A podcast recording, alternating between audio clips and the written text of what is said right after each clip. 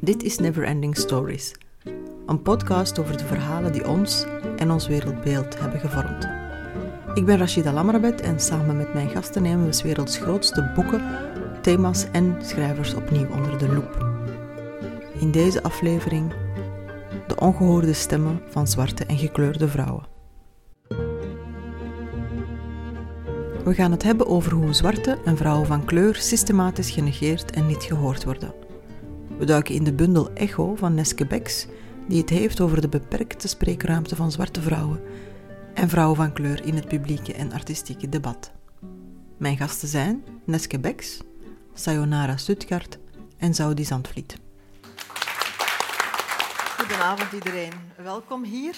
We gaan voor vanavond uh, in het heikele, gevoelige thema duiken van uh, racisme, van uh, de, het feit dat vrouwen van kleur en zwarte vrouwen heel weinig ruimte krijgen om te spreken, heel vaak ook gewoon onzichtbaar gemaakt worden. En we doen dat, we doen dat aan de hand van het prachtige boek Echo van Neske Becks.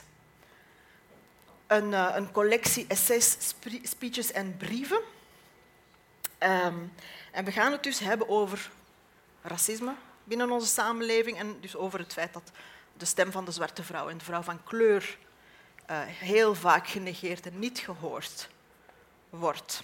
In, in dit boek legt Neske Becks uh, haar vinger op een zeer, op een zeer gevoelige plek. Uh, niet alleen is de witte blik in onze samenleving nog steeds dominant, maar zwarte vrouwen delven dubbel het onderspit. En Neske Becks laat ons in echo zien hoe zwarte vrouwen en vrouwen van kleur stelselmatig niet gezien en gehoord worden, hoe zij onzichtbaar gehouden worden. Een boek dus met um, heel interessante bedenkingen in essayvorm. Wat ook heel interessant is, is, aan het boek, is dat Neske hier eigenlijk een, een, een indrukwekkende ketting um, van vrouwen um, uit het verleden en het heden um, opvoert die onze samenleving haarscherp en trefzeker analyseren en het seksisme en het racisme blootleggen. Ik stel u eerst uiteraard mijn gasten voor en ik begin heel graag met Neske Becks. Neske Becks is transdisciplinair kunstenaar met een basis in theater, spoken word, zang en fictie en non-fictie. Disciplines die allemaal samenkwamen in haar hybride debuutfilm Eigen Volk. En in de literatuur debuteerde ze in 2014 met de Kleenex-chronieken. Ze publiceerde in meerdere bloemlezingen, waaronder de bundel Zwart. Ze schreef een kinderboek en nu dus ook een essaybundel Echo. En ze is oprichter van de Gilde voor Zwarte Beeldtaalkundigen en de redactietank Alphabet Street en De Tank. En in 2022 dus dit jaar um, werd Bex lid van de Academie van de Kunsten. Oh ja. Proficiat. en welkom.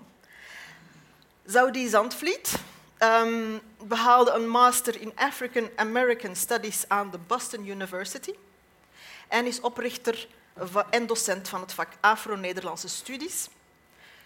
En dat vak is een interdisciplinair vak dat zich um, voornamelijk richt op de geschiedenis van de hedendaagse realiteiten van Afro-Nederlanders. Zeg ik dat goed, Saudi? Um, daarnaast is Saudi leraar, opleider voor docenten maatschappijleer aan de Hogeschool Rotterdam. Welkom. En dan heb je Sayonara Stuttgart. Welkom.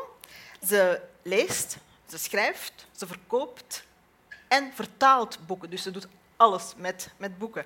Ze richt de uitgeverij Chaos op, die nu een imprint is bij Das Mag. En ze werkt daar ook als acquirerend redacteur. Daarnaast werkt ze bij de Schrijverscentrale als bemiddelaar jeugdliteratuur en ze vertaalde het prentenboek De binnenkant van mij van Bell Hooks. En dat is uitgegeven ook alweer door Rose Stories. voilà. Welkom iedereen. Ik ben echt heel erg blij om jullie hier te hebben. Het is echt een, een ongelofelijke eer.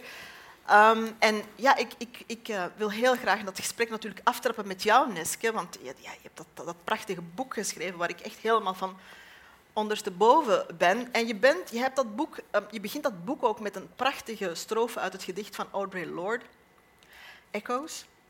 Um, en dat, boek, dat, dat gedicht is, is, is, is van betekenis voor jou natuurlijk. En mijn vraag is van, ja, waarom vond je net dat gedicht, hè? kan je daar misschien nog iets over vertellen, over dat gedicht, en waarom is net dat gedicht zo belangrijk voor je?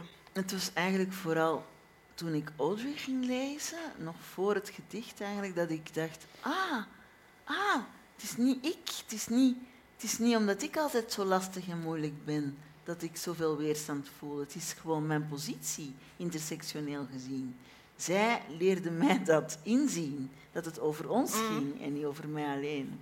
Dat klinkt heel simpel als ik het zo zeg, maar het, al, al het werk van Audre Lorde, ja, is gewoon echt mhm. fenomenaal, vind ik. En toen kwam dit uh, gedicht, Echoes, wat ze zelf heel mooi voorleest, uh, nog net voordat ze overleed. En heel dat gedicht is mooi hoor, maar we hebben dit gekozen als motto, omdat het, ja, there is a timbre of voice that comes from not being heard and knowing you are not being heard, which is not noticed only by others, not being heard. Toen dacht ik, ja, dat is het. En je bent toch een echo van degene die voor je kwamen. Mm En degene die na mij komen, hoop ik minder minder een echo van. Mhm, mhm. nee. Ja, het is, het is, een heel bijzonder gedicht, omdat ze inderdaad zegt van ja, het timbre van je stem wordt bepaald door het niet gehoord worden. Enerzijds zegt ze wel dat, dat ze gehoord wordt, maar eigenlijk wordt ze niet gehoord. Mm Wil, wilde je dat ook in het boek duidelijk maken? Ja, het, is, het, is, het hele boek gaat eigenlijk over die hele gekke positie van heel zichtbaar zijn, heel zichtbaar zijn en tegelijkertijd heel onzichtbaar zijn. Mhm. En wat, wat heel mooi is, is ook dat mensen als Toni Morrison die zeggen van ja, maar zichtbaar voor wie, weet je, ik zie je hoor. Ik zie jou, ik zie jou ook. Mhm. Maar daar is het niet mee opgelost. Ja. Voor, voor, wie moeten we dan zichtbaar worden? Nou, ik heb het over de kanon en het curriculum. En dat is het vooral. Het is mhm. niet dat ik uh, zit te wachten tot allemaal witte mensen mij gaan zien of zo. Mhm. Dat is niet waar ik precies op. maar ik, ik, eh, ik vind het wel belangrijk dat mijn mensen ook deel uitmaken van de kanon in het curriculum. Mhm. Dat vind ik heel belangrijk. En ook dat uh, ja, studenten zich uh, gesteund voelen door het curriculum. Mhm. Op kunstscholen, op universiteiten, op, op scholen. Dat, dat, dat we ook mogen meedoen. Heb je, ja, dat vind ik wel belangrijk door, door dit boek te schrijven, heb je het gevoel dat je, dat je nu dat je stem dan wel gehoord wordt? Of, of heb je het gevoel van, ja, ik ben eigenlijk een beetje voor eigen parochie aan het preken? voor eigen parochie, ja, dat zou best kunnen. Nou, ik denk wel, wat mij heel diep heeft geraakt, is dat sommige zwarte vrouwen echt huilden en, en zich herkenden. En wat ik hetzelfde had bij, bij Audrey eigenlijk. En um, ja, ik weet niet. Ik, ik denk dat de tijd heel belangrijk is. We zitten nu in een tijd dat er iets aan het verschuiven is, wat hopelijk bestendig mhm. is en blijft. Dus het is niet zo dat ik met mijn boek eindelijk gehoord word. Nee, het was net in die tijd dat je... Ja, een essay wat hierin staat, schreef ik... Eh, sommige essays schreef ik al eerder. En dan zeiden mensen, ja, nee, dat is de politiek voor een moederboek of zo. En, eh, mhm. en nou ja, daarna viel het helemaal op zijn plek. Ook door andere boeken. Mhm. Van Coates. En ja. Dus het, het is onze tijd. Is het, is, het is het juiste moment om, om dit soort van, van boek te schrijven. Ja, maar dan zie je wel bijvoorbeeld als ik dan opschrijf met mijn eigen um, kritische oog van van ja, zou, um, zou Querido um, een paar jaar geleden dit boek ook hebben gepubliceerd, dan gaat de recensent dat wel tegen me gebruiken. Mm. Wat staat er wel in? ja, maar ik, ik zeg dat omdat ik me daarvan bewust ben. Ik vind dat heel flauw als de krant dat tegen je gaat gebruiken. Mm-hmm. Want ik kon toen ook al bij hen komen. Mm-hmm. Maar I don't mind. Maar snap je, dus het is de tijd, maar het is ook nog wel... Een, ja, zoals ik ook zeg van witheid, um, en witheid is niet alleen wit. Um, witheid um, maakt van dit soort dingen een economisch model. Mm -hmm. Dus dat, daar heb je dan ook mee te maken. En hoe ga je daar dan eigenlijk mee om? Als je weet inderdaad dat dit kan worden misbruikt hè, als bijna iets performatief. Hè? Dat is een heel... Um, dat is een, het is een dans. Iedereen wil altijd... natuurlijk uh, decoloniseren, iedereen wil ja. ruimte geven, maar... En sommige mensen denken dat ze decoloniseren, maar die zijn eigenlijk alleen maar ja. bezig met to tokenisme. Mm -hmm. Of um, willen aan de buitenkant decoloniseren, maar wel de controle houden. Ik heb heel vaak meegemaakt in projecten, mm -hmm. als curator vorig jaar nog. Echt. Ja. Dus ah, we gaan nu ja, ons, ons koloniaal verleden van een museum gaan we aanpakken. En dan word je, ik weet niet hoe heftig uh, bestuurd. Geïnstrumentaliseerd. Ja, geïnstrumentaliseerd, inderdaad. Ja, ja, ja.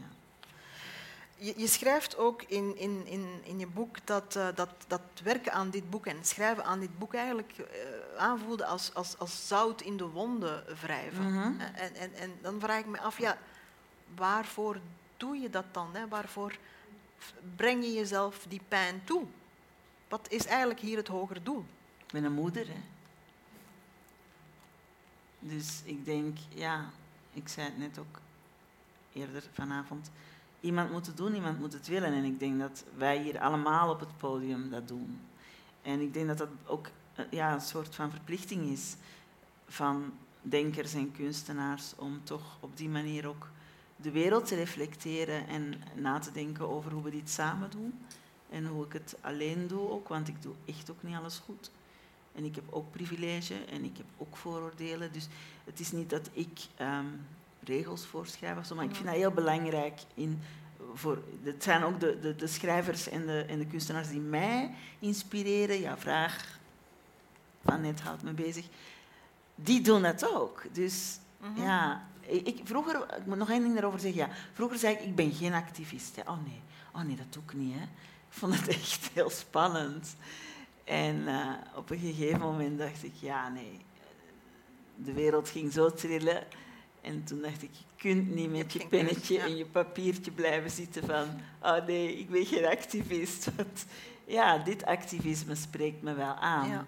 Maar ik moet wel zeggen, ik werd er niet gelukkig van, van dit boek schrijven. En ik was ook niet het leukste mens op dat moment. Want ik had een heel kort lontje, ook door de menopauze, maar, maar ook zeker door dit boek te schrijven, werd uh, ik, ja, mijn vel was naar buiten gedraaid of zo. Dus elke, elke racistische of licht suprematieve en ik stond in mm -hmm. licht en laaien, echt, mm-hmm. ja. Dus, en dat is niet, dat is niet, dat is ook het einde van het boek. En een vriendin van mij zei van, ik gun je nu echt dat je die kar niet meer hoeft te trekken. En ik denk ook dat ik dat nu niet meer zo doe. Het is tijd voor andere dingen. Wat bedoel je daarmee? Dat je uitgeschreven bent over dit thema? Of, of? Nou, ik, al mijn werk gaat ook altijd wel over, over uh, altijd al over, over racisme en mm -hmm. over suprematie. Maar, maar, en nu denk ik meer intersectioneel, maar um, ja, het lijkt me wel fijn om, om even het over andere dingen te, te hebben. hebben. Ja. Ja. ja. Wat ik ook heel mooi vind, is dat je inderdaad uh, al, die, al die vrouwen op wiens schouders jij en ik en, en wij allemaal staan, dat je die echt wel ook benoemt hè, in, in het boek. Eén Jij van... staat er ook tussen. Jij staat er ook tussen. Ik heb het gezien, Zou die ja. niet, want dat is een man. Maar als jij een vrouw zou zijn, had ik jou er ook tussen gezet. Dank je wel. Zeker. Maar een van die vrouwen die je benoemt, en, en wij delen dezelfde bewondering voor haar, dat is Toni Morrison. Hè? Toni Morrison, die, uh, waarvan je zegt in het boek, ja, ik probeer af te studeren in, in de Morrison-kunde. ik heb dat heel mooi gevonden. Hè? Um, en, en dan zeg je van, ja, kijk, je, je bewondert vooral de standvastigheid waarmee Morrison op een plek gaat staan en zeggen van dit is het centrum, dit is mijn centrum en ik hoef niet naar daar te gaan. Zij moeten maar naar mij komen. Mhm. En ik, ik, ik, ik ben aan de rand, wat zij zeggen, dat ik aan de rand ben, maar ik ben eigenlijk het centrum. I Ehm, stood at the edge. ja, en- I en- stood at the border. En je laat, je- ze liet hen bewegen naar haar And toe. hè. made the world move over To to, me- where, to where I was. I was. Ja. Op welke manier probe- probeer jij de wereld te doen opschuiven naar jouw centrum? Ik denk dat ik dat talent nog niet beheers zoals zij dat kan. En ik denk ook dat ik een heel ander persoon ben of zo Mhm. daarin. Ik probeer wel heel veel dichter bij mezelf te blijven. Ja. Dus niet zo reactief te zijn. Maar ik ben bijvoorbeeld wel ook, ja, nou ja. En, ja, dat, ik moet dat zijn enneagrammen en zo. Zij is een enneagram 8 en ik ben ook een enneagram 8. Dus, dus in die zin is het wel een inspiratie van hoe zij met haar woede omgaat. Mhm, Want zij heeft ook heel veel woede. mhm. Maar, ehm, Maar ze is meesterlijk in het bepalen van haar eigen traject en haar eigen Ja. agenda. het is echt, echt de grootste leraar, vind ik. Mhm. voor mij. Ik schrijf nu een boek over haar werk. En dat is echt fantastisch. Ik denk dat het wel eh, gaat lukken, afstuderen op Morrison kunde. Mhm. Ik breek wel mijn tanden nog steeds op Paradise. maar eh, ja, het is bijna zo. Maar het komt wel. En dat boek wordt verwacht wanneer? Eh, december. En de titel? De Kleine De Morrison. Kleine Morrison. Oké, we kijken er Voor heel erg... zover dat klein kan zijn. Ja, inderdaad. We Ja. kijken er heel erg naar uit. Maar Mhm. eh, nu zou ik eigenlijk heel graag hebben dat je een stuk voorleest uit je, uit je boek. Ah, nu al? Oké. nu al? Ja, graag. Oké, ehm, nou dan lees ik dit even. De wereld viel stil omdat het zichtbaar was, omdat het niet langer te ontkennen viel en wegkijken van de misdaad niet langer kon. De aanwezigheid van een zwart lichaam is altijd politiek. Met name in een overwegend witte ruimte is onze aanwezigheid niet te ontkennen en toch zijn we vaak onzichtbaar voor de dominante groep. Floyd was het zoveelste zwarte lijf dat werd uitgemoord en toch aarzel ik nog steeds te geloven dat er daadwerkelijk een langzame genocide plaatsvindt, zoals beeldend kunstenaar Patricia Kaarsenhout schrijft. De Amerikaanse psycholoog Gordon Alpert heeft schematisch aangeduid welke stappen er genomen worden door een dominante groep om uiteindelijk tot een genocide te komen van een minderheid. De eerste stap is negatief uitdrukken door middel van grapjes, roddels, mythes, stereotyperingen, etc. De volgende stap is vermijding, negeren, uitsluiten, paternalisme. De derde stap is discriminatie, ontkenning en zogenaamde minderheden geen eerlijke kansen geven en gunnen, etnisch profileren. En de vierde stap is aanval. Dat kan zijn verkrachting, fysiek geweld en het legitimeren daarvan door een overheid. En de vijfde en laatste stap is uitroeiing, ethnic cleansing. Ik ben van mening dat er een slow genocide gaande is van zwarte en bruine lichamen. We zijn al lang al in de vijfde fase beland. Dat schreef Patricia. Hè?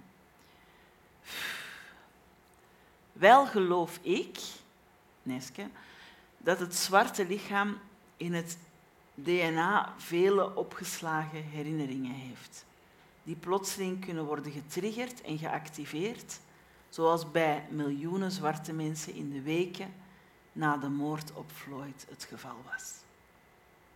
Zij, wij, ervaren de pijnlijke schokeffecten van eeuwenlang intergenerationeel doorgegeven trauma. Nog even Resma erachteraan, dat vind ik toch wel mooi. Resma Menakem in My Grandmother's Hands, Mhm. een van mijn favoriete boeken, zegt daarover historical trauma, intergenerational trauma, institutionalized trauma such as white body supremacy, gender discrimination, sexual orientation discrimination, etc., and personal trauma, including any trauma we inherit from our families genetically or through the way they treat us or both, often interact. As these traumas compound each other, or as each new or recent traumatic experience triggers the energy of older experiences, they can create ever increasing damage to human lives and human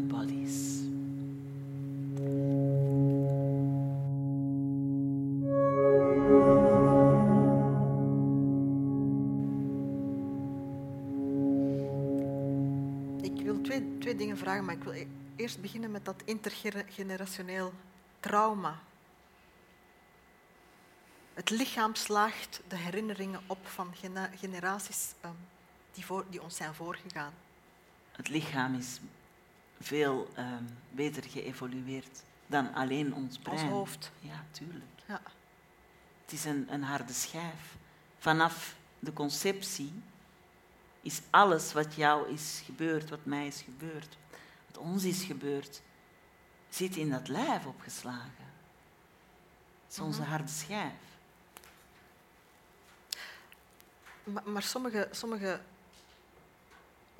volkeren, sommige gemeenschappen hebben een onnoemelijk leed meegemaakt. Mhm. Hoe kan je daar dan van genezen ooit? Door anders om te leren gaan met het reguleren van je zenuwstelsel, onder andere. En door, denk ik dan, niet eh, in een stressgedreven maatschappij door te blijven gaan. Mhm. Dus ja, dat je inderdaad door middel van kunst, taal ehm, en dan healing erbij ehm, bewuster leert om te gaan met, met hoe je inderdaad dat lijf, en ieder mens is anders, Mhm. Op een manier laat functioneren dat je, dat je, dat je niet alleen eh, in het denken zit Mhm. en in, in dat, ja, de rat race die iedereen hier leeft. En ik denk dat inderdaad, jij noemt dan die gemeenschappen die, die zoveel hebben ondergaan en die Mhm, dan hier mhm. functioneren. Dus ik, je denkt waarschijnlijk aan je eigen voorouders. Ja? Ja, en, Ja, en, en alle anderen ook, hè, de tot slaafgemaakte bijvoorbeeld. Ja. Hè. Dat is natuurlijk iets wat, ehm, wat een leed wat je eigenlijk bijna niet kan eh, bevatten. En dat nee, zit dan in die... het zit in ja. ons lichaam. En dat zit in het die zit in mijn lichaam. Voor ze- zeker weten. Een ander ding is, eh, je hebt het over die vijf stappen of die trap naar de genocide, waar je zegt van ik geloof niet dat we daar zijn, hè, dat we in een soort van trage genocide zitten. Ik vond dat een hele heftige stelling van Patricia toen ze dat opschreef. Eh, maar ik vond het wel belangrijk om het te vermelden natuurlijk, omdat ik ben de tegenkleur van, oh nee, dit kan toch niet, zo erg kan het niet zijn. Maar het is natuurlijk wel iets waar ik heel veel over heb nagedacht. Van ja, het is wel wat ik een beetje om me heen zie. vaak. Ja, je, zie- je ziet toch een aantal van die trappen die zich aan Mhm. het verwezenlijken zijn. Hè? Mhm. En dan, heb je natuurlijk de- dan stel je jezelf de vraag van, ja, als, als, we, als, dat, als die vijfde trap on- onvermijdelijk is, waar gaan we dan heen? Hè? We zitten nu inderdaad al in een, in een samenleving die, die, eh, die no- racisme normaliseert, die ontmenselijking normaliseert. Mhm. Je bent in die, in die, in die, in die fases aan het, aan het, eh, aan het gaan. Klopt Ja. dat? Of, of zeg je van nee, we kunnen, dit, dit, is een, dit is iets wat we kunnen afwenden? Of dat is iets, we, kunnen, we gaan het niet vergelijken. We kunnen het Ja, niet ik- vergelijken bijvoorbeeld met. Ik weiger dus om, ik weiger dus eigenlijk een beetje om hierin mee te gaan. Mhm. Terwijl ik het natuurlijk ook eh, herken. Maar ehm, ik heb geen oplossingen, denk ik. Mhm. Jullie? Op deze vraag? Ik heb geen oplossing, maar ik probeer mezelf wel te empoweren. In die zin dat ik ehm, juist door bewustzijn en, en ook inderdaad door ehm, dat reguleren wat ik net zeg, probeer die triggers die in mijn leven in ieder geval te verkleinen. Mhm. Hè, dus het is gewoon zo dat onze gezondheid. Laat ik het bij mezelf houden. Mijn gezondheid is zeker ehm, minder goed dan de die van de meeste mensen, zeker ook door racisme. Dus dan heb ik daar zelf iets aan te doen, want ik kan niet gaan denken: oh, al dat racisme wat in de wereld is, dat gaat mij dus nu kapot maken. Dus wat ga ik daar zelf aan doen? Mhm. Mhm. Dus ik verander mijn leven dan. En mijn leefomstandigheden. Omstandigheden. Ja. Maar ja, je kunt jezelf nooit helemaal buitenschot zetten. Dat is onmogelijk. Dat is onmogelijk. Want er is geen land waar ik veilig ben. Nergens ter wereld, denk ik eigenlijk. In Europa zeker niet. Mhm. Dankjewel. Zou die, ehm, toen we jou ehm, vroegen om hier eh, aan deel te nemen aan dit, aan dit gesprek, heb je eigenlijk wel wat bedenkingen eh, geuit. hè, Van, hey, eh, ben ik hier wel de juiste persoon op de juiste plek? Kan je daar iets over zeggen? Voel je je hier goed op je plaats? Eh, ja hoor, ja, ja, ja. ja. Ik, ik, ehm, ik kreeg de vraag of ik hier aan mee wilde doen en toen heb ik ja gezegd. En toen las ik het boek en toen dacht ik, oh, ben ik wel de persoon om mee te, te praten? Uh, ik denk dat je sowieso, als je uitgenodigd wordt voor een panel of voor een event, dat je zelf de vraag moet stellen, ben ik de juiste persoon? Ik, ik ben heel erg bewust van mijn eigen positie. Uh, ook als ik lesgeef. Je eigen positie als man? Als man, als, als, als zwarte man, als, uh, qua, qua, seksualiteit, als uh, kind van de voormalige kolonie Suriname. Al die dingen werken door in, in, in de keuzes die ik maak. Dus als ik het over lesgeven heb, als zwarte man weet ik dat ik een bias heb om andere zwarte mannen te lezen. Mm -hmm. uh, dus ook toen ik deze uitnodiging kreeg, dacht ik, oké, okay, ben, ben ik de persoon? Als, als programmeur had ik misschien iets anders gedaan. Had ik een all-female uh, panel geprogrammeerd. Uh, en er zijn genoeg zwarte vrouwen die, die mm -hmm. op deze stoel hadden kunnen zitten. Uh, dus ik had het niet per se hoeven te doen. Maar waarom dan wel? Uh, ik, ik, Rose Stories vind ik een geweldig initiatief. Uh, de, de, kinderboeken mm -hmm. lees ik voor, voor mijn zoontje. Like, nou, ik ben eigenlijk voor mij eigenlijk wel een soort van vereerd. Uh, het werk van een zwarte vrouw ondersteunen, waarom niet? En ik dacht ook, nou, als ik ook gewoon een uur lang mijn mond dicht hou en alleen maar luister, dan leer ik ook al wat. En dat heb ik net ook al gedaan. Zoals, like, ik, ik kan altijd aansluiten en gewoon een uur lang mijn mond dicht houden en luisteren. Ja, dat is een protest. Dus aan jou, aan jou stel ik geen vragen meer. Ja, precies. um, maar je bent hier en, en voel je je dan, oké, okay, je wilt luisteren en, en leren, maar voel je dat als, als bondgenoot dat je, dat je nog, nog iets anders kan doen? Of, of? Grappig woord, bondgenoot. Ik heb, ik heb, mezelf, ik heb niet, mezelf nooit in die positie gesteld. Normaal is het, like, ik ken bondgenoot, like, wit, zwart. Mm -hmm. eh, Oké, okay, bondgenoot. Um, ja. Oké, okay, daar gaan we. Hoe zou je jezelf dan, uh, dan willen benoemen, liever dan? Een broeder? Ik ben een, Aha, ik ben een, zwart, ik ben een zwarte man. Uh, mijn moeder is een zwarte vrouw, mijn Aha. partner is een zwarte vrouw, uh, mijn zus is een zwarte vrouw. Dus ik ben, ik, het is niet dat ik niet nadenk over de ervaringen van zwarte vrouwen in de witte wereld. Uh, zo heb ik bijvoorbeeld in, tijdens mijn collegereeks, is een van de thema's die wij bespreken, is het leven van de slaafgemaakten op, op plantages, mm -hmm. deadcamps, werkkampen. En ik doe dan wel eens een oefening met mijn studenten. En dan zeg ik, oké, doe even je ogen dicht en denk aan een tot slaafgemaakte. Of denk aan een uh, slaaf, tot slaafgemaakte. En als ik zelf die oefening doe, dan merk ik dat ik eigenlijk heel vaak aan een man denk. Dus de ervaring van uh, tot slaafgemaakte, ook als je naar de geschiedenis gaat kijken, als je niet uitkijkt, dan focussen we op de ervaring van zwarte mannen. Mm -hmm. Dus tijdens dat specifieke college verricht ik me eigenlijk puur alleen op tot slaafgemaakte vrouwen. Omdat de studie naar vrouwelijke tot slaafgemaakte een andere dimensie geeft aan de geschiedenis van slavernij. En omdat je dan ook aankomt op het concept van uh, dubbele onderdruktheid, mm -hmm. dat tot slaafgemaakte vrouwen onderdrukt werden door het systeem van slavernij, van tot slaafmakers, maar ook zwarte mannen die tot slaaf gemaakt waren, vrouwen, vrouwen tot onderdrukte. Onderdrukt, en dat is dan, uh, ik vind het zelf een, een, interessant college. En de studenten Wie geeft ook. dat college? Uh, zelf. Doe ik zelf. Mm -hmm. ja. mm -hmm. En naar wie, wie, zijn dan jouw referenties als je het dan over die vrouwelijke ervaring wil, wil hebben?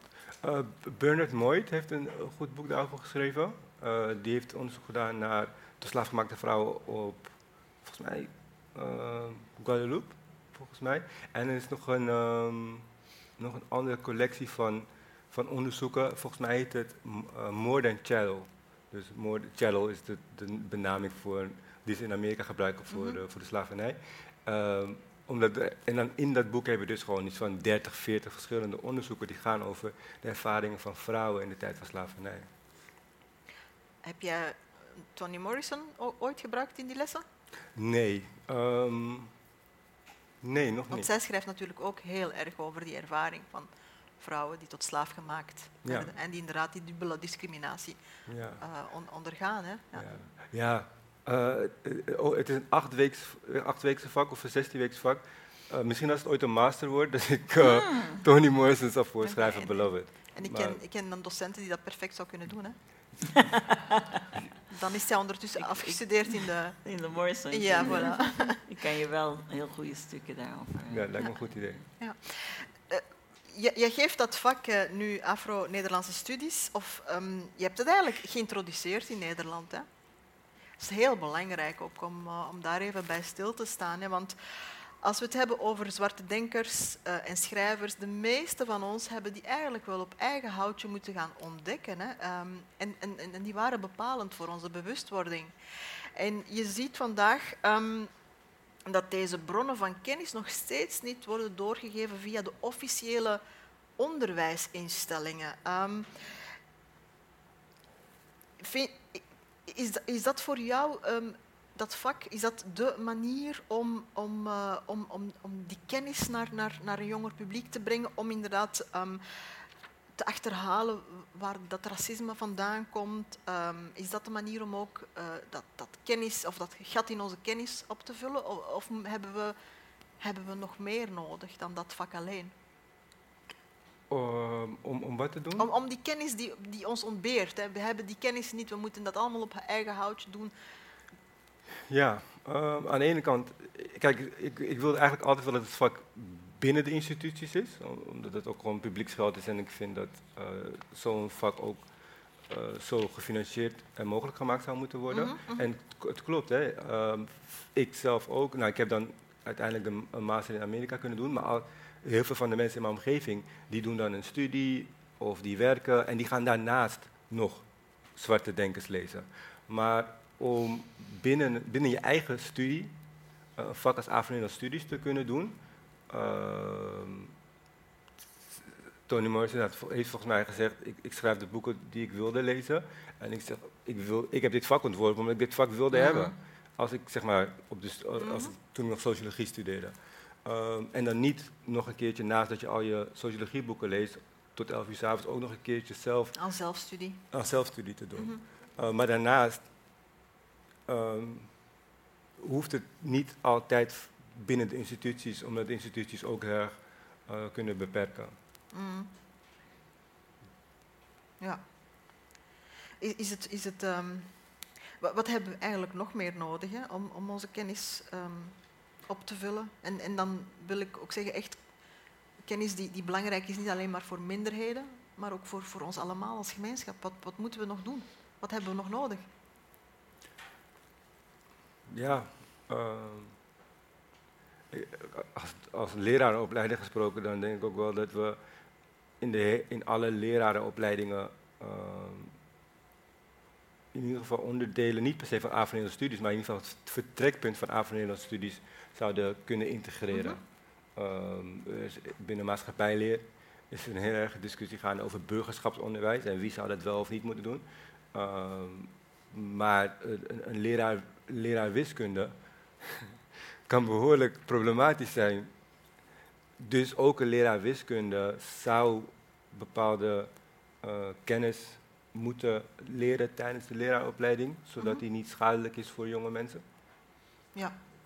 En dat is natuurlijk gesproken vanuit mijn positie als leraaropleider. Ik denk Mhm. dat we via onderwijs bepaalde dingen kunnen doen, maar onderwijs kan ook niet alles hoor. Nee, alles, nee. Het is niet zaligmakend. Nee. Nee. Je hebt ook een boek meegebracht, dat voor jou ook heel belangrijk is. Welk boek is dat? Wil je daar iets over zeggen? Uh, dit is het boek waar ik nu uh, les uit geef. Uh, dit gebruik ik als. Dit schrijf ik de studenten voor, homegoing. Het vak bestaat uit een historisch component en een soort van thematisch component. En het historisch gedeelte doen we eigenlijk altijd via homegoing. En, en de studenten zeggen, ja, het is, het is, het is heel vaak, soms zeggen ze wel, het is het eerste boek dat ik helemaal heb uitgelezen. Like, oh, oké. Okay. Oh, shit. Ja. Wauw. Wow. Ja. Um, maar homegoing werkt heel goed voor mij om uh, bepaalde theoretische concepten, zoals bijvoorbeeld um, uh, social debt of de drie bepalende elementen van iemand tot slaaf maken van Orlando Patterson uit te leggen. Uh, dus hele theoretische concepten via zo'n boek als Homegoing uh, werkt heel goed. Mhm. Ehm, ja. Het is jou een beetje jouw, uh, jouw lijfboek. Als het ja, zo kan je volgens mij wel een beetje zien. ja. Wil je daar een stukje uit voorlezen? Ik, een, een stukje, ik moet even kijken. Ja. Toen, toen jij mij belde, toen zei ik heel stoer volgens mij, ik ben geen historicus. Dat zei je. Ja, klopt. Ik ben, ik ben ook geen historicus, maar ehm, dit is wel, ik vind geschiedenis wel belangrijk. Mhm. Eh, en vooral de vraag over wat is wel geschiedenis, wat geen geschiedenis. En vooral de, de, de machtsstrijd Mhm. in geschiedenis. Eh, een van mijn favorite characters in Homegoing is uh, Ja. Ehm, een geschiedenisdocent. Even kijken, waar zal ik beginnen? Ik denk dat ik hier ga beginnen. Hij is een les aan het geven, de eerste les. What does the board say? Ja asked. He taught Form 1 students, 14 and 15 years old mostly, who had already learned to read and write in English in their lower level classes. When Yar had first gotten the post, he had argued with the headmaster that he should be able to teach the boys in regional tongues, but the headmaster had, la- had laughed at him. Yar knew it was a foolish hope. There were too many langu- languages to even try. Yar watched them. He could always tell which boy would raise his hands first by the way he pushed his forward his inner seat and moved his eyes from left to right to see if anyone else would challenge his desire to speak first. This time, a very small boy named Peter raised his hands. It says, History is storytelling, Peter answered. He smiled, the pent up excitement releasing. History is storytelling, Yor repeated. He walked down to the aisles between the rows and seats, making sure to look each boy in the eye. Who would like to tell the story of how I got my scar? The students began to squirm, their limbs growing limp and wobbly. They looked at each other, coughed, looked away. Don't be shy, Yor said, smiling now, nodding encouragingly. Peter, he asked, the boy who only seconds before had been so happy to speak, began to plead with his eyes. The first day with a new class was always Yor's favorite. What story have you heard about my scar? Yor asked, smile, smiling, still hoping now to ease some of the child's growing fear. Peter cleared his throat and looked at the ground. They say you were born of fire, he started. That's why you are so smart, because you were lit by fire. Anyone else? Timidly, timidly, a boy named Adam raised his hand. They say your mother was fighting evil spirits from Asamando. Then William. I heard your father was so sad by the Santa laws that he cursed the gods, and the gods took vengeance. Another named Thomas. I heard you did it yourself so that you would have something to talk about on the first day of class. All of the boys laughed, and Yo had to stifle his own amusement. Word of his lesson had gotten around. He knew the older boys told some of the younger ones what to expect from him. Ik ga even verder. Whose story is correct? Yo asked them. They looked around, and the boys who had spoken as, as though trying to establish their allegiance by holding a gaze, casting a fold by sending a glance. Finally, once the murmuring subsided, Peter raised his hand. Mr. Akiekum, we cannot know which story is correct. He looked at the rest of the class, slowly understanding. We cannot know which story is correct because we were not there. En, en, en dus met, met aanvullende studies en, en nadenken over wat geschiedenis is, wie bepaalt wat geschiedenis is, wat is legitiem als Mhm. archiefmateriaal, ehm, welke mensen interviewen we wel, welke mensen interviewen we Mhm. niet, wat nemen we wel mee in archief, Mhm, wat mhm, niet. mhm. Uh, vind ik dit stuk altijd Heel ehm, interessant. Ja, heel, interessant. heel, heel, heel treffend ook eh, beschreven. History is storytelling. Ja, en als, ehm, als in de studie naar het Nederlands slavernijverleden deze stelling eerder, had, eh, eh, eh, eerder prominent was geweest, of de- dit idee eerder prominent was geweest, dan hadden we misschien een generatie die anders had nagedacht over het Nederlands slavernijverleden. Want we hebben namelijk een generatie die nadenkt over het Nederlands slavernijverleden, van oh, we hebben er niet zoveel aan verdiend. Maar dat is eigenlijk ook gewoon een verhaal van bepaalde mensen geweest. Mhm.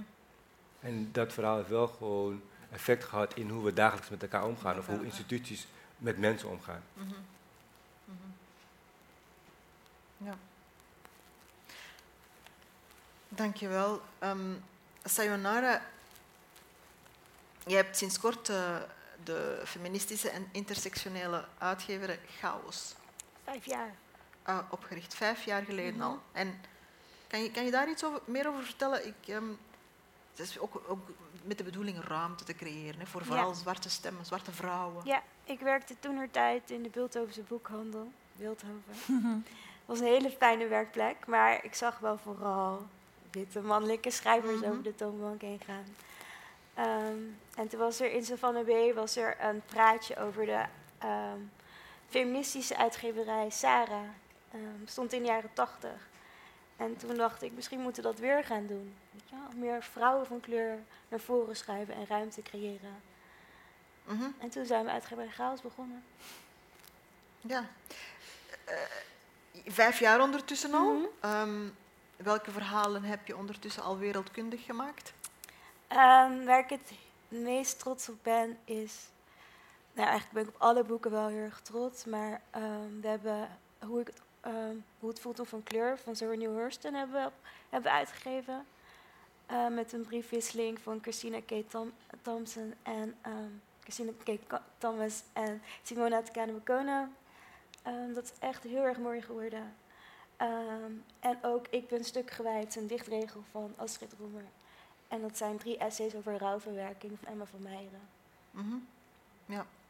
En heb je het gevoel dat, ehm, dat je door dit te doen, dat je, dat je wat, wat, wat kan bewegen? Dat je, dat Ja. je effectief ruimte kan, kan creëren? Dat het wat, wat beweegt, dat het wat verandert? Ja, want toen we begonnen, toen Rose Stories was er natuurlijk al, maar verder was er gewoon niets. Er wa- waren gewoon geen kleine uitgeverijen, onafhankelijke Mhm. uitgeverijen. Alles was heel groot en in Amsterdam. Ehm, en nu komen er steeds meer, bijvoorbeeld Dipsaus dus bestaat nu, Mhm. Dipsaus bestaat al langer, maar dat ze bij Pluim zitten, dat ze boeken uitgeven. Ehm, eh, uitgeverij Wilde Haren. Het zijn allemaal kleine, ik zie het toch allemaal als kleine druppeltjes. Mhm. Mensen hebben gezien dat het kan. Dat je dus niet afhankelijk bent van de Witte Instituut en dat Ja. je zelf iets kan beginnen. Ja. Belmer Bookstore gaat De ook Belmer Bookstore gaat ook iets doen, daar ben ik Mhm. heel benieuwd eigen naar. boek uitgeven. Ja, dus, eh, En dat zijn allemaal initiatieven van en door vrouwen van kleur, zwarte vrouwen. precies, ja. Eh, Wat eh, Neske in het begin ook zei, van, die vraag die je stelde naar je uitgeverij, van, was ik met dit verhaal veel eerder gekomen, wa- was er, had men dan daar ook zo eager op Mhm. gereageerd om het te willen uitgeven? Mhm. Zitten we, dan, we zitten natuurlijk in een tijd waar iedereen mee op die trein springt. Hè? Mhm. Hoe, hoe, hoe, hoe, ehm, hoe zorg je er inderdaad voor dat, ehm, dat je niet geïnstrumentaliseerd wordt? Hè? Je hebt natuurlijk je eigen uitgeverij, maar je bent een imprint binnen Dat Ja, Mag. ja. Eh, dat heb ik gedaan omdat we alles deden op, vrijwillig, op vrijwillige basis. En dat ging gewoon niet meer. Ehm, want je hebt gewoon je vaste baan ernaast. En daarnaast moet je voor allerlei dingen zorgen. Mensen Mhm. denken altijd, het is superleuk uitgeverij. Weet je, boekjes uitbrengen. Maar ze bedenken, weten, kijk naar Sofina. Ze weten niet wat er allemaal bij, komt kijken. Het is Dus niet ik zo had echt romantisch. nodig. ja, ja. ja. En hoe doe je dat dan? Hoe bewaak je je, je eigenheid? Hoe zorg je ervoor dat je inderdaad niet eh, ingezet wordt als een soort van token ook? Eh, ik heb heel veel gesprekken gehad met Daniel van der Meer. En ehm, we hebben heel goed afgesproken dat het echt mijn uitgeverij blijft. Dus ik mag doen wat ik wil. Ehm, ik heb gewoon mijn vrijheid daarin. Mhm. Ik heb echt een accurerende positie en dat is heel fijn. Mhm. ja. Je bent ook ehm accurerend redacteur. Mhm. Hoe ga je daar ook mee om? Heel veel gesprekken met iedereen voeren. Dat heb ik het afgelopen jaar vooral gedaan. ja.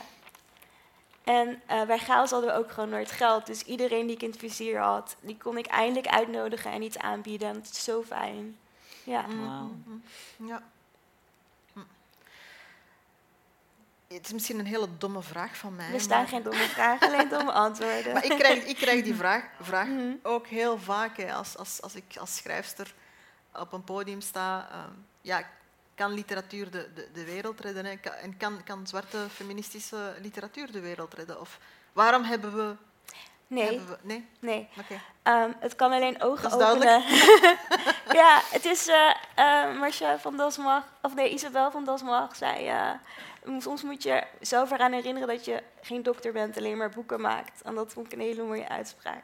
Je kan, met boeken kan je alleen ogen openen en empathie wekken. En daarmee kan je eerste stapjes zetten om de wereld te redden. Maar Mhm. mensen moeten het uiteindelijk zelf het zelf doen. doen. Ja. Ja, Mensen en, en, en natuurlijk Instituten. instituten, Ja. overheden. mhm, Dus dat is een, iets structureels ook, hè? ja.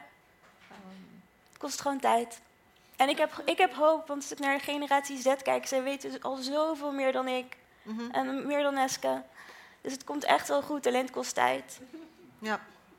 Dus je bent wel hoopvol. Ja, soms ook moe, maar wel hoopvol. Ja. ja. Ehm, jij hebt dat boek van eh, Neske ook gelezen. Mhm. Eh, wat betekent dat boek voor jou? Ik vond het heel mooi. Ik zag mezelf erin terug. Mhm. Eh, ik moet wel eerlijk zeggen dat ik het echt niet in één ruk kon uitlezen, omdat het soms gewoon te zwaar was. Ja, Wauw. Mhm. even Te wegleggen. zwaar? Hoezo? Ehm, Te oud? te oud, te, eh, mm, te dicht bij hoe de wereld is. ehm, Hmm. ja.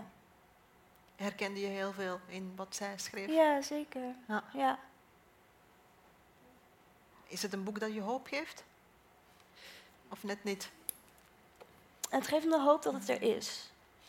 Mhm. Dat het kan verschijnen, dat het wordt gelezen. Dat Neske die vrijheid heeft gehad om het te schrijven ook. Mhm. Want dat, zoals al zei, dat had een paar jaar geleden niet gekund. Dan was het te radicaal geweest, denk ik al. Ja. Dus voor jou heeft het wel een impact gehad. Zeker. Dus dat ja. heeft jou ook wel een beetje Mhm. veranderd. ja.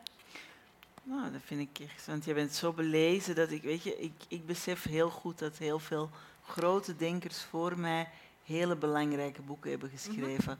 Op wie schouder ik Mhm. sta. Wat ik wel fijn vind, is inderdaad die generatie Z waar je het over hebt.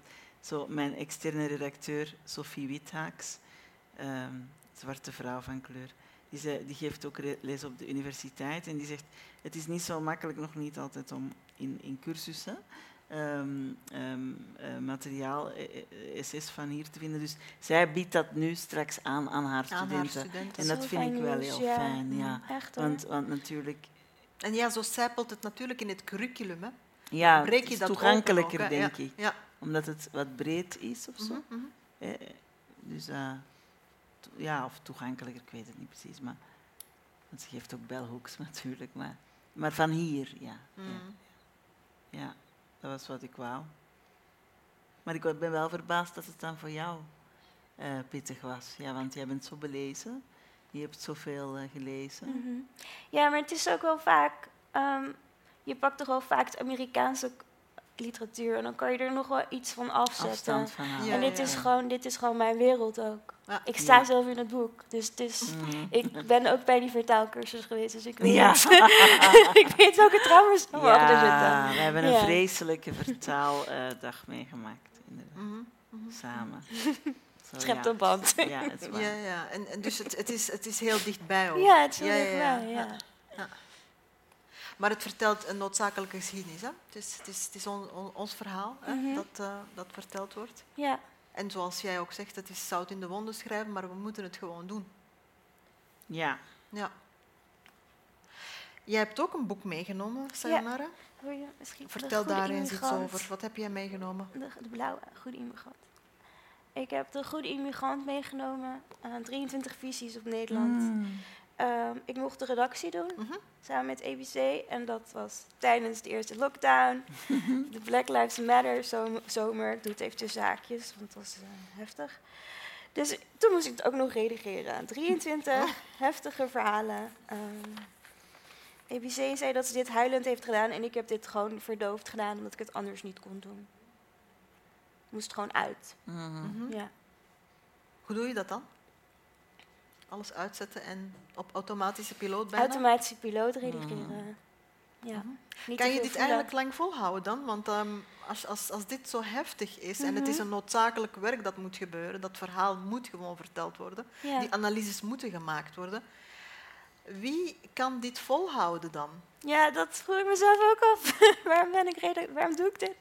Maar je doet het voor, voor de lezers, maar ook voor de schrijvers. Je wilt dat hun verhaal goed verteld wordt. Mhm. Dus je, ehm, je zet jezelf gewoon uit en je gaat aan het werk. Het moet. Als een echt zwarte vrouw. Hoe zet je jezelf uit? Ik heb dat knopje niet. Nee? Ik, ja, ik weet niet. Doe het gewoon. Je doet, Ja. alsof, je doet alsof je ik het doe uit- alsof natuurlijk, Ja, ja. tuurlijk.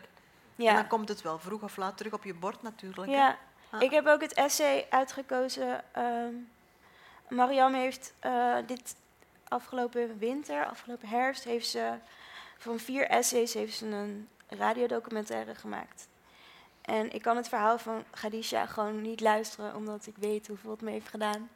Dus het, het- die pijn zit er nog wel steeds. Hoor. Je hebt het En niet ik- beluisterd? Het, komt er, het mag er Nee. gewoon nog niet uit. Ja. En je wilt daar een stukje uit vo- voorlezen? Ja. Ja? Ja. Eh, het heeft bijna een jaar geduurd voordat ik weer een beetje kon wennen aan de deze andere wereld. Ik was nog erg jong, had veel last van heimwee en miste mijn familie. Mijn man werkte van 7 uur ochtends tot half vijf 's middags en ik had de hele dag niets te doen.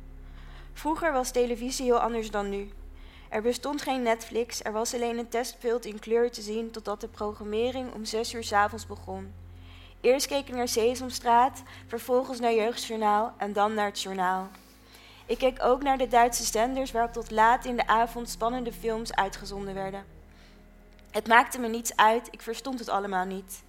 In het eerste jaar voelde ik de muren echt op me afkomen. Ik vond het heel erg veel te lang duren voordat we weer op vakantie gingen. Mijn man deed zijn best en nam me vaak mee op uitstapjes. Hij liet me van alles zien, van boerderijen tot aan Rotterdam. Ik had altijd, altijd van gehouden om buiten te zijn en ik zit niet graag stil. Elke zondagavond zag, ik- zag ik op tegen de week en dacht ik, morgen is het maandag en ben ik weer alleen. Kan je dat een beetje duiden? Dat gaat over blijkbaar een, een, een vrouw die Marokkaanse vrouw ja, die met haar, Naar die Nederland. een- ja, precies. De taal nog niet spreekt en niemand kent. Geen contact kan maken met de Nederlanders in de wijk. Ehm, maar ook tegelijk, ehm, ze vertelt het. Ik heb haar geïnterviewd. Ze heeft, het, eh, ze heeft een ghostwriter gehad. Ik heb haar geïnterviewd. Ze vertelt het alsof het, het is gewoon zo. Het is geen zielig verhaal. Het is zoals het is. Het lijkt me inderdaad heel... Dat ik Nederlander ben, dat ik hier ben. Eh, ik heb prachtig Delfts blauw servies in de kast. Maar daaronder zit ook wel heel veel eenzaamheid die ze heeft meegemaakt. En dat raakt me heel erg. Mhm.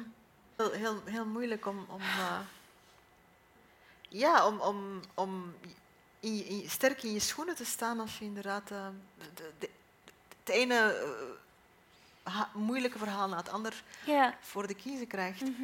Ehm, wa- wat herkende je eigenlijk heel erg aan, aan dat verhaal van Khadija? Wat is voor Mm. jou het, het, ja, de herkenning of, of wa- waarom, waarom net dat verhaal? ja, toch wel de trots zijn van Nederlander zijn, want dat ben ik ook. Maar Mhm. je toch bewust zijn dat je altijd, niet altijd als Nederlander wordt gezien. Mhm. En er niet altijd bij hoort. Ja. En dat toch wel- accepteert, want het is zoals het is en je kan niet veranderen. Ja, en dat, zie, ik- dat komt eigenlijk wel een beetje in alle verhalen terug. En dat Mhm. is heel pijnlijk. Mhm. Ja. Ja. We all been through the same shit. Sorry. Waar je ook vandaan komt in de wereld. Want er zit echt van alles tussen. Ja. Ja. Zal ik dan iets leuks toevoegen voor je? Ja. Ik heb dat boek gestolen. Aneska. Het zet, wordt uitgezonden. Ja, ja, Per ongeluk. Waar heb je het gestolen? ongeluk. Vertel Per later maar. ongeluk. Vertel. Waar heb je het per ongeluk gestolen? Straks komen ze Bij. Passaporta. Want ik had... eh, In de boekhandel. Nee, in de residentie. Ik had jouw boek ook, maar dat heb ik netjes teruggegeven. maar ik had, ik had eh, Afrolied en dat lijkt erop. En Ja. ik kwam thuis en toen heb ik de goede immigrant gestolen. Maar ik heb Zelfde het wel- ontwerper Nee, maar ik heb het wel echt meteen gemaild van... Jongens, ik heb dat gestolen. maar ik vond dat wel eigenlijk grappig. Ja, Dat zo. ik de goede immigrant had gepikt. Het Het is ook een ironische gelezen? titel, Ja, hè? ja, ja, ja. Het is ook ja. een ironische titel. Ja, je bent dan een slechte immigrant. Nee, een goede, want ik heb het wel eerlijk opgebiecht. En nu ook op de podcast. Ehm, Neske, ik, wat ik ook heel erg interessant vond aan, aan je boek, om even terug te komen op Echo, ehm, is dat je aan het begin van je boek ook een, ehm, een verklarende woordenlijst toevoegt. Ah ja. Met een aantal termen die in het huidige racisme-debat eh, gebruikt worden. En, Mhm. en dat zijn ook heel, heel vaak termen waar heel emotioneel op gereageerd Ja. wordt. Hè. Het gaat dan bijvoorbeeld over begrippen als witheid, eh, wit privilege, ehm, Mhm. te- termen die voor ons, die, die in, in deze wereld bewegen, wel, wel gekend zijn. Voor wie is die woordenlijst? Ja, dat bedoeld? vond ik ook interessant. Dat, eh, dus eh, ja, dan kom ik toch weer met de kranten die dan zeggen van ja, ze zegt dat ze geen boek schrijft voor ons, maar ze heeft heel die woordenlijst toegevoegd. En toen had ik het met een vriend van mij erover van alsof alle zwarte mensen al die woorden zomaar meteen begrijpen en de Mm. mensen van kleur. Mhm. Dus we, we, we, we, we, educaten elkaar toch ook. Ik heb toch ook van Sabrine geleerd wat misogynoir was. Ik zei, je bedoelt miso- misogyn? Nee, misogynoir, weet je. Dus, ah, wauw, weet je. Dus. Leg dat eens uit, dat, dat, dat begrip. misogynoir. Misogynoir is echt... Sabrine eh, Ingabire? ja, die heeft Ja. mij dat uitgelegd. Ehm misogynoir is echt het misogyne tegen zwarte vrouwen. Tegen zwarte vrouwen. Ja. En Dus seksisme Zijn eigen woord heeft dat gekregen. Hè? tegen zwarte Lekker. vrouwen. Dus de Ja. woordenlijst is niet voor de witte lezers. Nee, ook voor ons, Mhm. met name. Maar ook, ook, ik sluit die witte lezers niet buiten, die lezen dat natuurlijk ook. Mhm. Maar ik heb niet een boek willen schrijven voor witte mensen. Ik heb een boek geschreven voor zwarte vrouwen, voor ons. Echt bij ons. Hoe heet het nou weer? Eh, Voor ons, bij ons. For us, by us, ja. By, Mm. ja, for us, by us, denk je. En, ehm, en ja, iemand is daar toch wel kwaad over geworden. Ik had twee fantastische boekpresentaties. Mm. Eentje in Nederland en eentje in ons vaderland in België. Die ik nooit in mijn leven vergeet. Dat is echt de meest bijzondere dat? avond van mijn leven. Ook bij Passaporta. Passaporta. Maar ehm, dat was echt, ja, alsof... Ik ben familieopsteller, ik, doe ook, hè, ik ben therapeut. En het was net alsof ik een opstelling had gemaakt met Afrika in de hoofdrol. De mensen in de zaal die gingen verhalen vertellen. En de mensen op het podium en er werd gehuild. En het was echt een ritueel Mhm. met, met eh, Afrika, of Rwanda nog het meeste, heel erg in de hoofdrol. Was het een gemengd publiek? Ja, maar Ja. De, de witte mensen zeiden helemaal niks. Het was echt een... Ik had dat echt nooit kunnen bedenken wat daar gebeurd is. Dus daarom wil ik ook veel meer in België weer gaan werken. Mhm. Door die avond. Mhm. En in Amsterdam was het ook heel goed, hè? Maar dan was het echt op power en Surinaamse vrouwen. En het was echt zo van, nou, nu gaan we het eens zeggen, hè? En, daar was dus, en daar was wel een witte vrouw die later tegen mij had gezegd, ja, drie maanden later, ik vond dat heel moeilijk, hè? Ik vond dat echt moeilijk, hè, dat ik mijn mond moest houden. En ik zei, maar ik heb nooit gezegd dat je je mond moest houden. Ja, maar dat was niet voor mij, dat boek. Ik zei, nee. Ja, je moet dat, mij dat toch eens uitleggen, want ik, ik heb het er nu drie maanden... En ik zei, nee, ik ga dat niet uitleggen. Dan moet je dat boek lezen, of andere boeken lezen. Mhm. Maar ik ga dat niet uitleggen. Ja, maar ik vraag het u terug. Ik zeg nee. En val me er niet meer mee lastig. Heel goed. Mhm. Dat was hard voor mijn doen. Maar ik ben toch blij dat ik dat zo heb Mhm. opgelost. En, ah ja, en er waren heel veel zwarte vrouwen die zeiden... Oh, maar dat is zo erg als die vrouw zich zo rot voelt. Ik zei, ja, maar ik, ik heb echt het podium aan jullie willen geven. Mhm. En dat heb ik echt zo gewild, omdat dat nodig is. Mhm. Dus jammer voor die mevrouw. Die haar eigen huiswerk moet maken. Ja. Die het zelf moet gaan opzoeken. Withuiswerk.nl, toch? Ja, dat heb ik haar ook nog gemaild. Maar grapje mee. verder wou ik het niet oplossen. Ja, nee. Ja, withuiswerk.nl. Ja. En er zijn genoeg boeken, toch? Hè? Ja, zat. Ja, Ja, heel fijn. Ehm, doe je goed hoor. Dank je wel. Doe je goed hoor. Dit was het einde van de aflevering. In deze podcast hoorde je fragmenten uit Echo van Neske Becks, Echoes, Audre Lorde, De Goede Immigrant, samengesteld door Dipsaus Podcast, en Homegoing van Ia Gyasi. Neverending Stories is een initiatief van Rose Stories in samenwerking met de buren, Writers Unlimited, Landhuis Bloemhof en Watershed en wordt mede mogelijk gemaakt door Literatuur Vlaanderen, het Nederlandse Letterenfonds, Fonds 21 en het Prins Bernhard Cultuurfonds. Opname en montage door Jelena Schmitz.